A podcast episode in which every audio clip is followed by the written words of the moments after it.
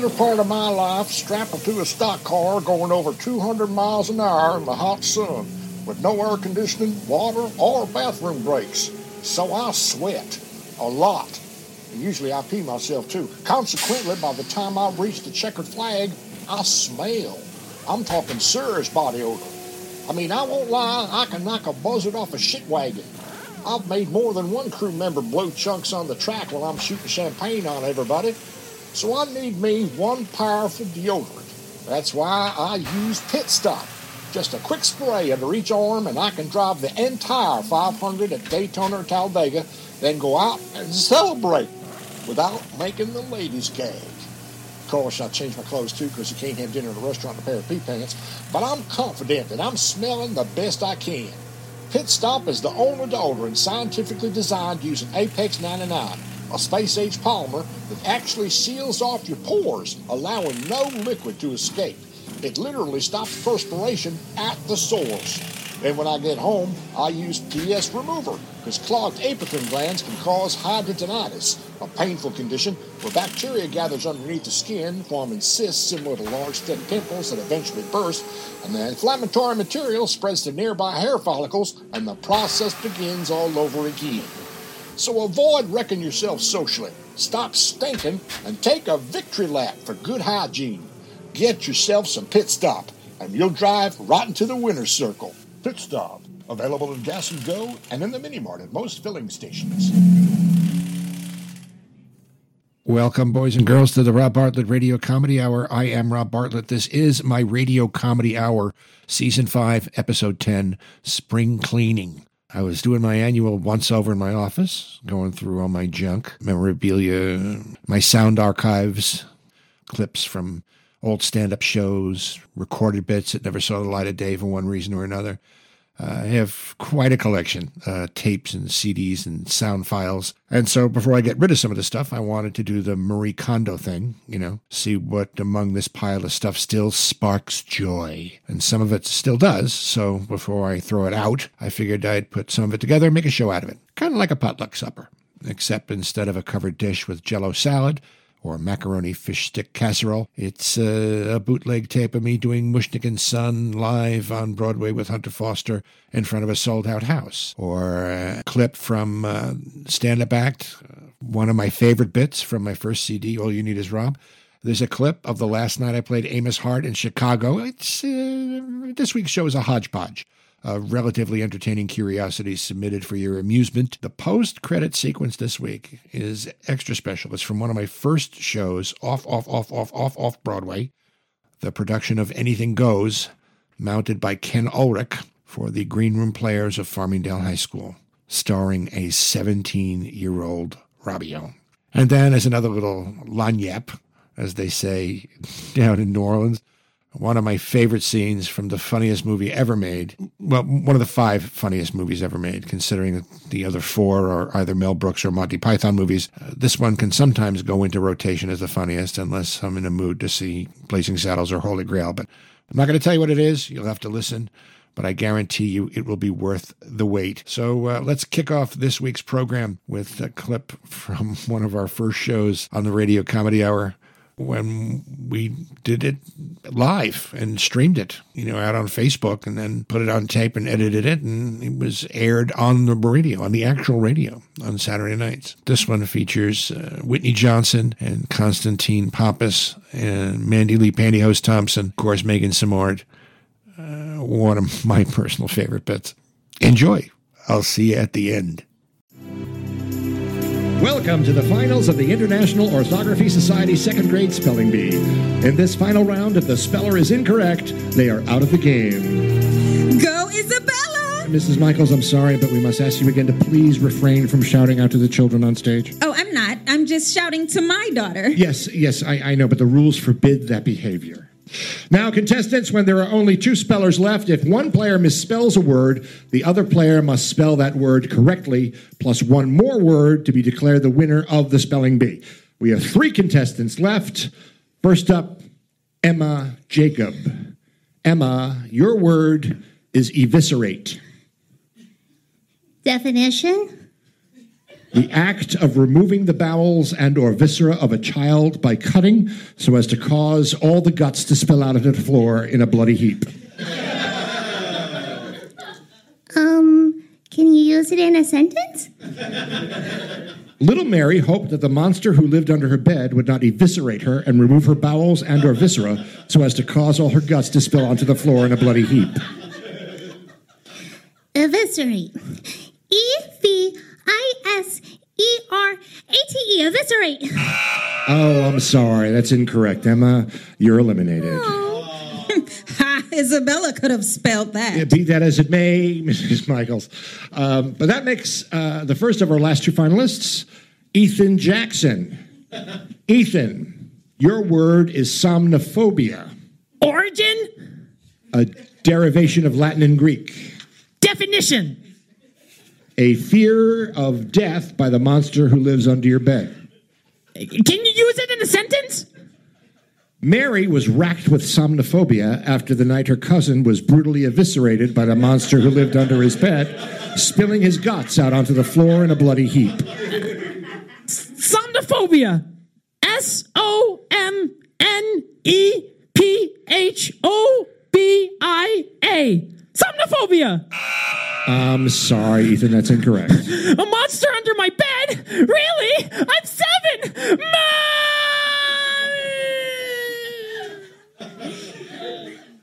That leaves Isabella Michaels as our final contestant. You, you go, girl. Mrs. Michaels, I must ask you once again to refrain from any further outbursts or you will be asked to leave. Just cheering my little girl on. You got this, baby. Yes, but we must have decorum. Decorum. D I. No, no, no, you, you were both eliminated. Uh. now, Isabella, according to the rules, you must spell Ethan's word correctly and then you will. Get- Somnophobia. F O M N I P H O B I A. Somnophobia. That's correct. You damn right it's correct. See, that's where you guys would have normally applauded, but that's okay.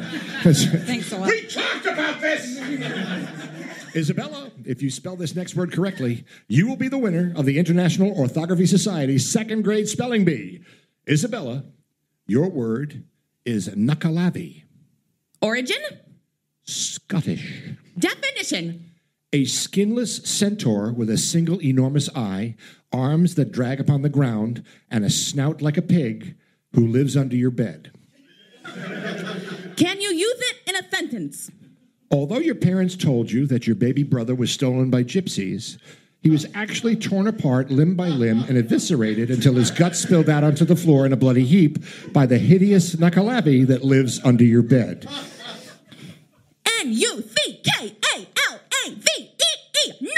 There. We win. Way to go, sweetheart. Come on, grab your trophy and let's go home. After staying in the hotel for so many days, I'm looking forward to sleeping in my own bed. Um, mother, if it's all the same to you, I think I would prefer to stay at a hotel, given the new disturbing information that's just come to light. Okay. Gypsy's mother, really? You couldn't come up with something better than that? Incunabula. Incunabula. Yes. Um, may I please have the definition?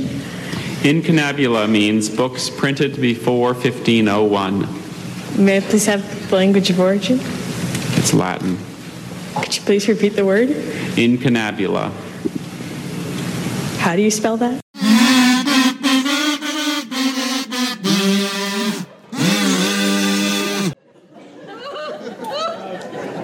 I like to uh, to try and have as normal a day before a big show. I went shopping.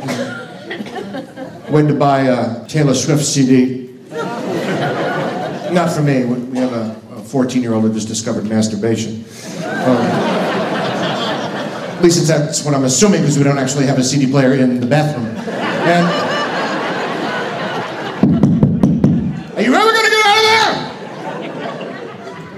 And the woman behind the counter, woman, young lady, she had like, you know, like a whole NASCAR pileup of studs coming down this ear, and she had like an eyebrow ring, and then she had like a whole shower curtain with the rings going down this ear. She had like a little diamond here, and a nostril, and a little ring and a tough lip here, and a little thumbtack on her chin there, and and I stared. And I realized that it was rude of me to stare, but it's not every day that you see a grown woman with an entire Home Depot with a hardware on her head. So, just kind of wanted to inquire, you know, just, that's an interesting look. And she said, What's your problem? And it was at that point.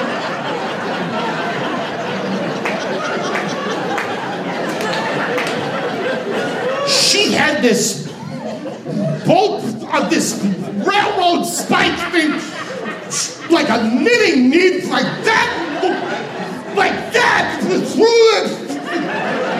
Like, and at that point you become Lou Costello. You know, no matter how much you try to hold it together, it's just.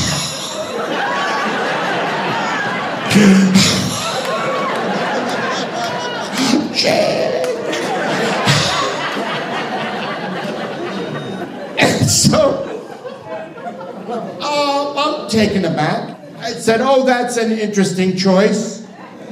What's that for? And she says, It's for oral sex.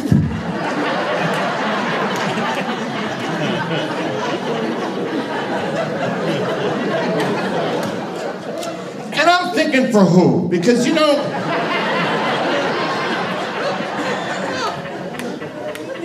usually speaking, my penis and metal objects are mutually exclusive terms. You know what I mean? I try to avoid getting my dick close to any metal object. If humanly possible, it's. I don't know, call me unadventurous, but I don't wake up in the morning with a sudden urge to rub my cock up against a cheese grater. You know, it's just it's one of those things.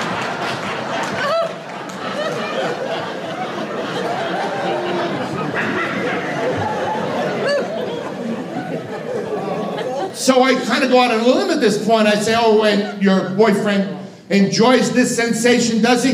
And she says, Oh, yes.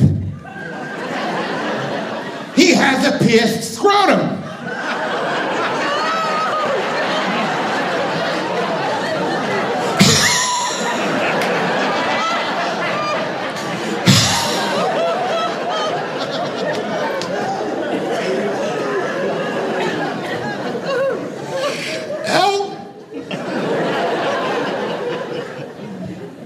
I've my dick in my zipper once or twice in my life, and it's not a sensation I would ever want to recreate. You know what I mean? Women, women are always saying childbirth is the worst pain in the world. You get your dick caught in your zipper, then come back and talk to me, okay? Because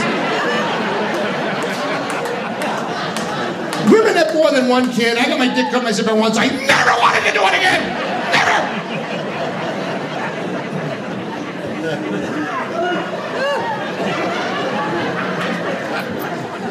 Unfulfilled does your life need to be? You wake up in the morning, you look in the mirror, and you go, you know, something's missing.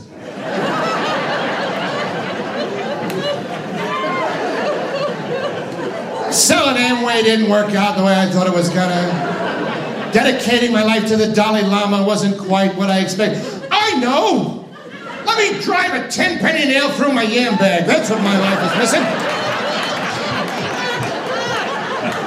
Let me take a staple gun to the old banana hammock. That's what my life is at this point.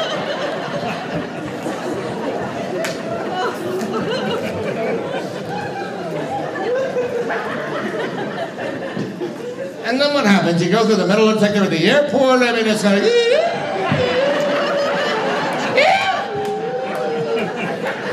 Every time you walk past a refrigerator, all the magnets fly off and stick to it.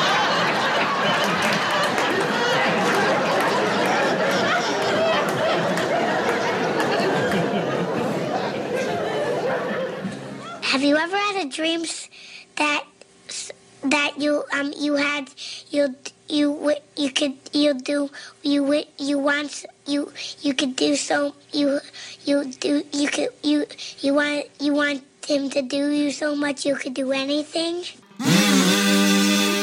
My bike's outside and I'm double parked. But you think about what I said, Scout. I mean it. You think about Sure, it. sure, I'll think about it. He'll think about Yeah, it. Yeah, you do that. He'll think about it. He'll think about it. I don't like that guy, Mr. Mushnik, and you should hear the way he talks to Audrey. Gut in Himmel, no, the kid just said he'd mull it over. No wonder she looks so unhealthy. It's enough to make you sick. If he left me, if Seymour left me, why then I'd be right back where I started, which was broken, starving. Sweet and good and beautiful as she is, she deserves a prince, not a sadistic creep like him. Close to bankrupt. What a louse. Beset, befuddled, and bereft. That's what I'd be if Seymour left. He's a disgrace to the dental profession. Seymour! Sir! Seymour.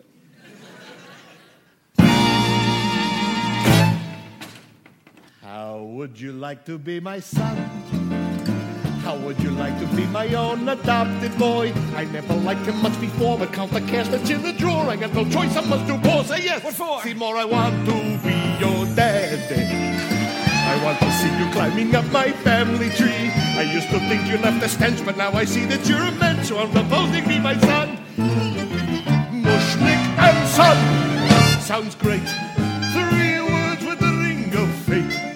So sail and cooperate with me. A glorious dream come true. Mushnik and his boy chick you. What business will do for FTD? About to see my be my son.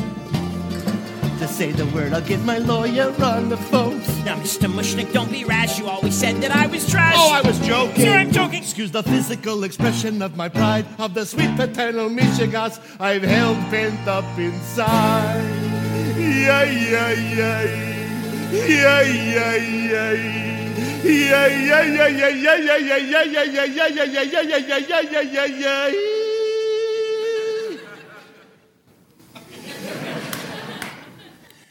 Gee. So? Well. Well? I. You? Go ahead and say it, Seymour. Tell me that you will. Gee, I'd really like to, but. I'll hold my breath until.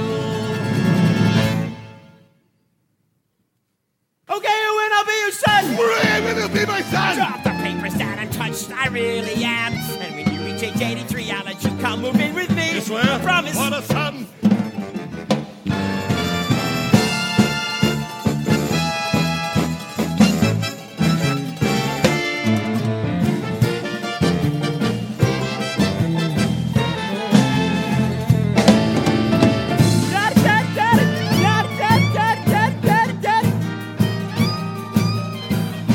Trouble, sickness, and we'll share the planet, share the wealth. I'll call my lawyer. Call me son. Son. Son. Mushnik and son.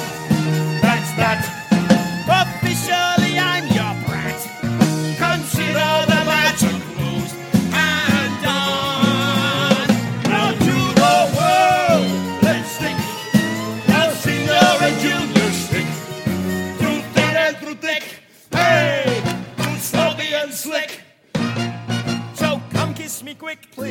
make me sick. Son.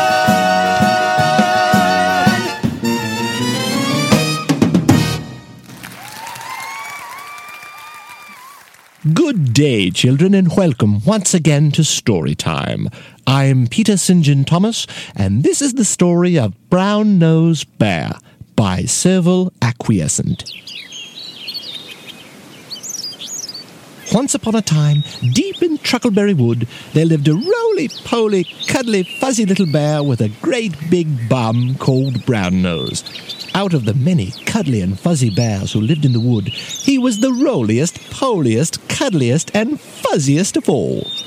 But the curious thing about him was that Brown Nose Bear didn't actually have a brown nose at all.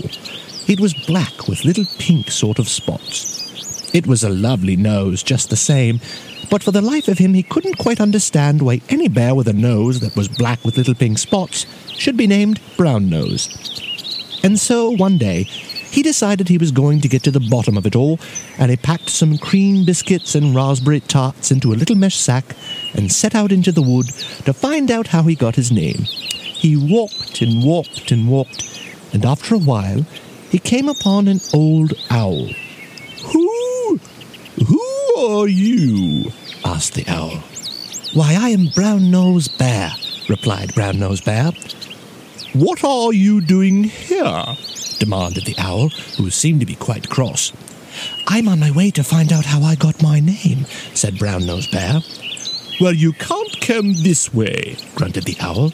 If you do, I'll swoop down and peck your eyes out. Oh, I don't think you'd ever do that, said Brown Nose Bear. You don't? asked the owl. Why not? Because you're the handsomest, cleverest owl I've ever met, and I should think that sort of behavior would be beneath you, said Brown Nose Bear. Oh, right. Very well. On your way. And so Brown Nose Bear continued through the forest. It wasn't long before he came upon a part of Truckleberry Wood that he didn't recognize. It was dark and scary, and Brown Nose Bear became frightened.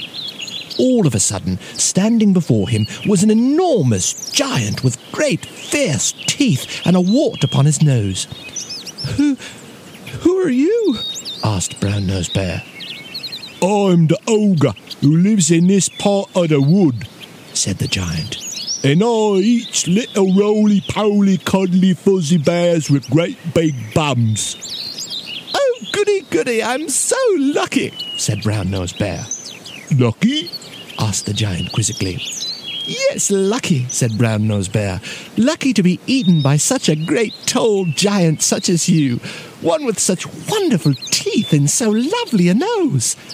Lovely, said the giant, but it's got a wart. Brown Nose Bear acted surprised. What?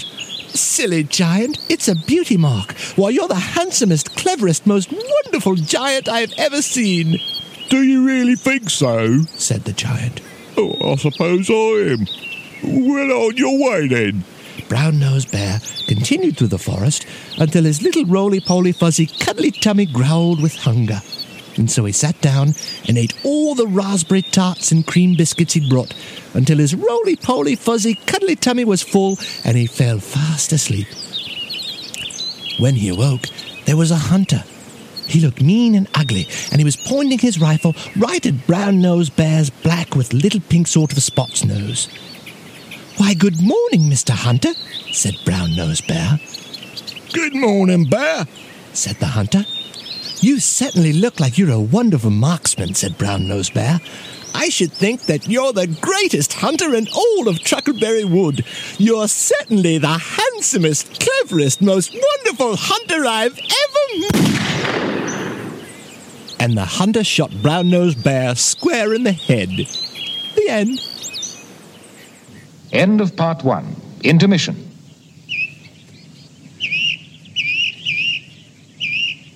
End of intermission. Part two. I do not like to fly. They say that it is the safest form of travel. I would beg to differ. I would think walking would edge out flying just slightly. if only for the fact that when you fall, when you walk, you don't fall 35,000 feet. It's physics. I just don't like the idea of getting on a plane and turning to the guy next to me and saying, hey, where are you going? And he says, to see Allah.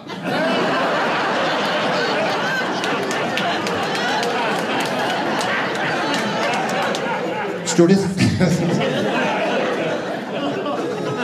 because security is, is an issue, and it's always been an issue, and it's even worse now than it's ever been. And, you know, I don't know, is it me, but asking us if we packed our own suitcase, we tripping up a lot of terrorists with this technique by any chance, are we? Uh, excuse me, sir, did you pack your own bag? Damn it, you got me! I can't believe it! Son of a bitch, how did you know?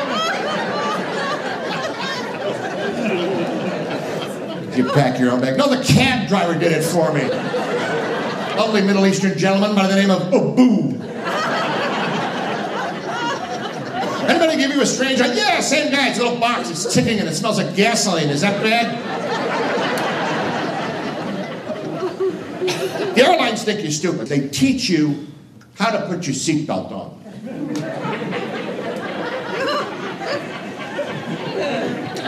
You don't know how to put your own seatbelt on. You probably shouldn't be flying by yourself in the first place, but let's let's just examine the whole concept of a seatbelt on an airplane to begin with, shall we?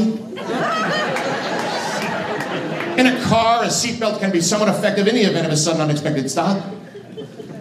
You have a sudden unexpected stop in an airplane, however, A seatbelt then becomes what we technically call a moot fucking point.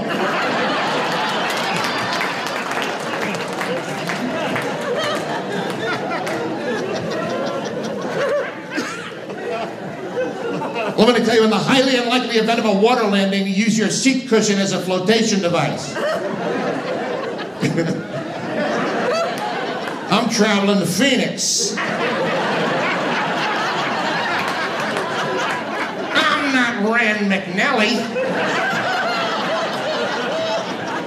The way I look at it, we're gonna make a water landing, there's gonna be something on my seat cushion. I'm not gonna wanna use it as a flotation device.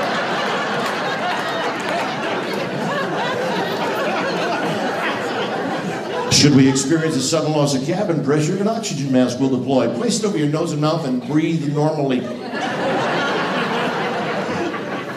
Just gone from 35,000 feet to 11 feet? How the hell are you gonna breathe normally?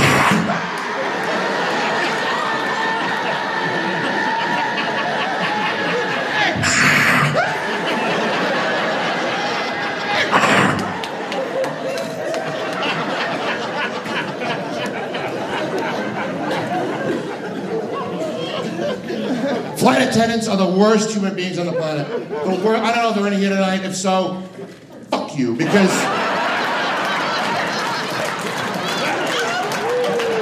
evil, evil. I mean, really, they do something called crop dusting. I swear this is true because buddy of mine's a pilot. He told me what happened. Now, they eat the same food that we do on a plane, and they eat it three, four times because they have a couple of legs back and forth across the country. And so there's a lot of hideous, heinous intestinal cargo builds up. They need to vent. Some exhaust. And what they do is they wait until there's a particularly unruly, obnoxious passenger. Because I start drinking on the jetway. And what they do is they push the service cart through the aisle. Little contrail. And then keep going. Crop dusting. I don't know why this is, but every time I fly, no matter where the flight's going, no matter what airline I'm on, the flight crew's based out of Atlanta. You could be on El Al to Tel Aviv.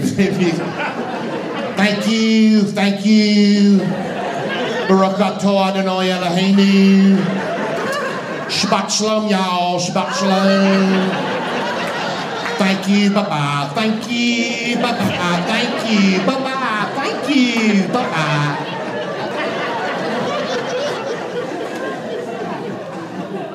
Did you put your seat back and tray table to its locked enough by position before landing? Thank you. Could you put your seat back and tray table to its locked enough by position before landing? Thank you. No. Why? Why? Let me let me ask you this. Hypodermical question, okay? Sky bitch, let me ask you this. Don't you think that in the highly unlikely event that the plane's engines should explode and send shards of molten metal through the cabin that would subsequently lodge in my chest cavity pose a slightly greater health risk to me than the seat backs and tray tables? Since when did furniture become a lethal weapon, lady? Ooh.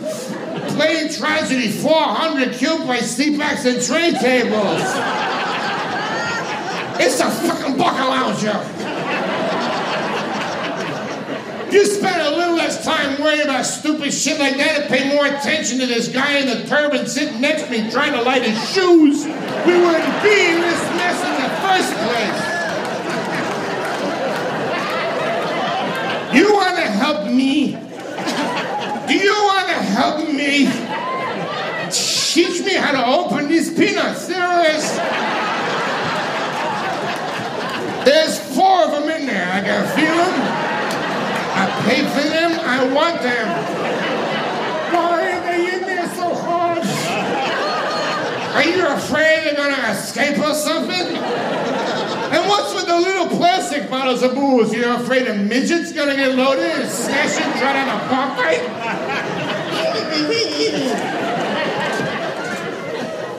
And I asked you for a pillow, not a maxi pad. What the hell is this, lady? This is a comfortable. And I know it was you who fought her before. I know it was you. Jesus Christ, what the hell did you eat, lady? My eyes are burning. I thought the oxygen mask was gonna deploy. Can I get a pair of those classic wings? It's my birthday.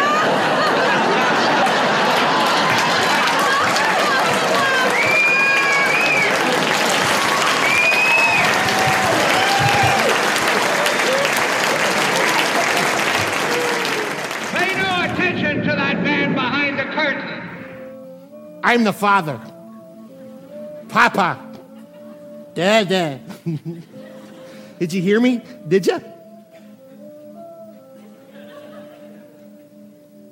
Nah, you didn't hear me. It's the story of my life. Nobody ever listens to me. Have you noticed that?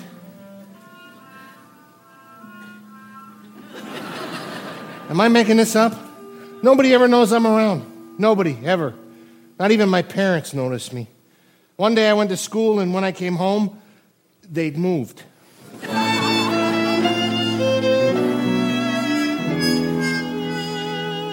If someone stood up in a crowd and raised his voice up way out loud and waved his arm and shook his leg, you'd notice him.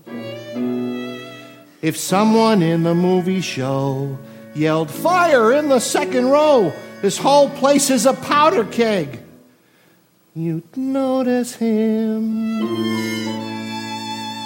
And even without clucking like a hen, everyone gets noticed now and then.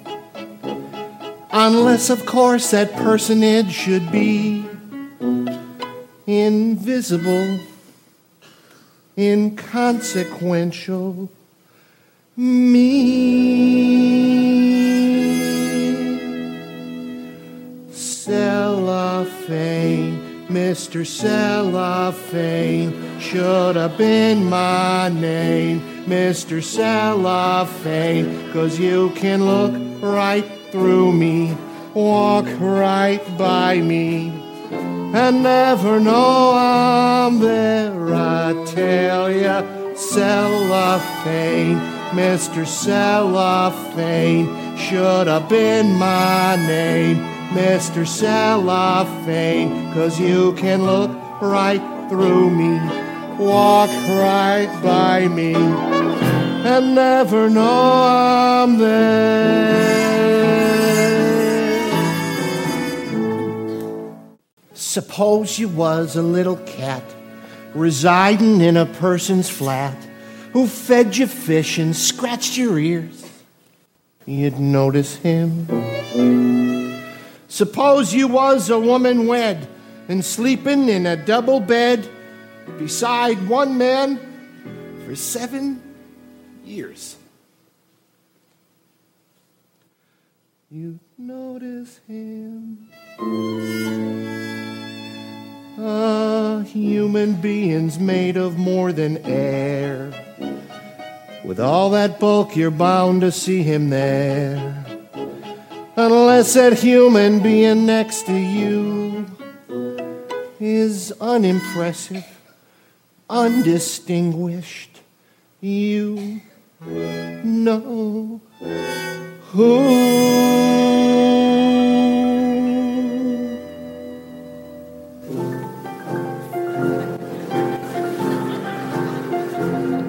Should have been my name, Mr. Cellophane, cause you can look right through me, walk right by me. I never know I'm there, I tell ya, cellophane, Mr. Cellophane, should have been my name, Mr. Cellophane, cause you can look right through me, walk right by me, and never know I'm there, never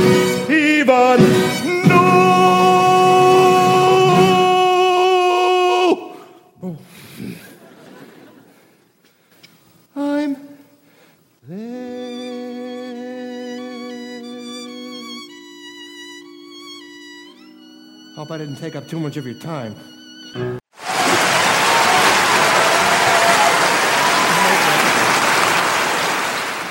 Don Corleone, I'm going to leave you now because I know you are busy. If you enjoyed this program, boys and girls, tell your friends and family. And why not subscribe to us yourself so that way you can get every episode as soon as it's posted. It'll be waiting for you wherever you got this one, just like an old friend. Leave us a good review on Apple Podcasts. Drop us a line at Robio Radio Comedy Hour at gmail.com. Check out all the latest Robio news on the Robio Radio Hour Facebook page. Follow us on Twitter at The Robio. Follow our Instagram, Robio Radio Comedy, and Robio 007. We got two up there. Uh, very special thanks to Hunter Foster, uh, Seymour, and the Mushnik and Son number from Little Shop. And um, some of our original Comedy Hour cast members, Mandy Lee Thompson, Constantine Pappas, Whitney Johnson, and Megan Samard in the Spelling Bee sketch classic from back when we used to do the show in front of a live studio audience with a great big cast and live music. And special thanks to the fake ass, blowhard, low rent, phony pantloads at WABC Radio for all the lack of support and spectacular screw job. If you're an actor or a comedian, or you know one and aren't afraid to admit that fact in public, check out the rbstudio.com. I offer personal online coaching and instruction, audition prep, skills development, uh, work on timing, delivery, character building. Maybe you always want to try it. The rbstudio.com. All kinds of classes in live performance, teens to adults. And if you're looking for that one of a kind gift for that special person, birthday, retirement, anniversary, or maybe you want to break up with somebody and aren't really sure how to do it, well, you can get me to do it for you. I'm on Cameo. Go to cameo.com just give me some info about the person, and I'll craft a personalized message as me and or one of my characters, including Feats Dupre, the great unknown bluesman who will write and perform an original blues song just for the occasion.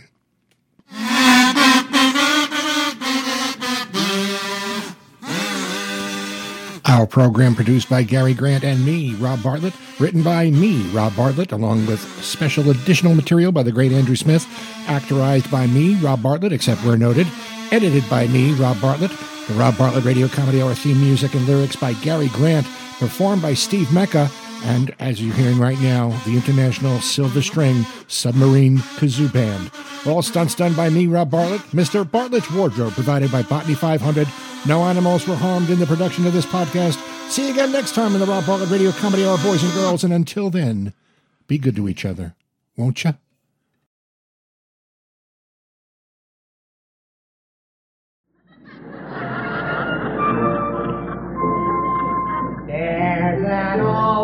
Australian bush song that Melba used to sing. A song that always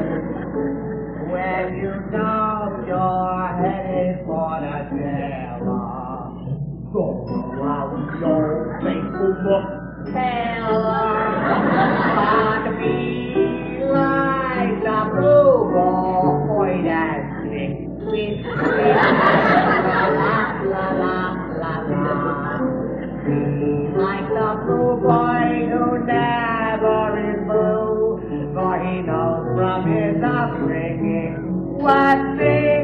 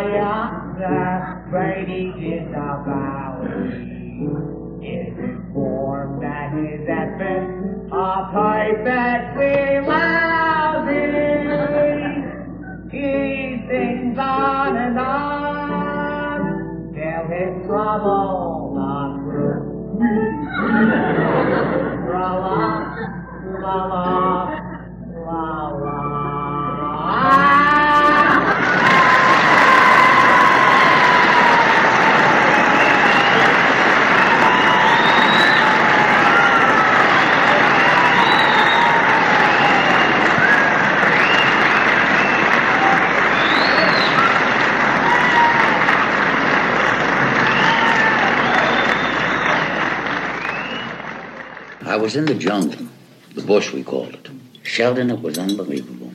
I saw things. They have tsetse flies down there the size of eagles. Really. In the evening, I would stand in front of my hut and watch in horror as these giant flies would pick children off the ground and carry them away. Oh, it was an incredible oh, sight. Peasants screaming, chasing these flies down the road, waving these crudely fashioned brooms at these enormous flies as they carried their children off to almost certain death. You sure these are flies you're talking about? Flies. Natives had a name for them. Jose Grecos de Muertos. Flamenco dancers of death. You took those slides of them that never came out, remember?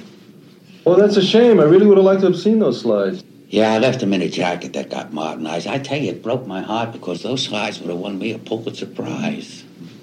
The enormous flies flapping slowly away into the sunset. Small brown babies clutched in their beaks. Beaks. Flies with beaks.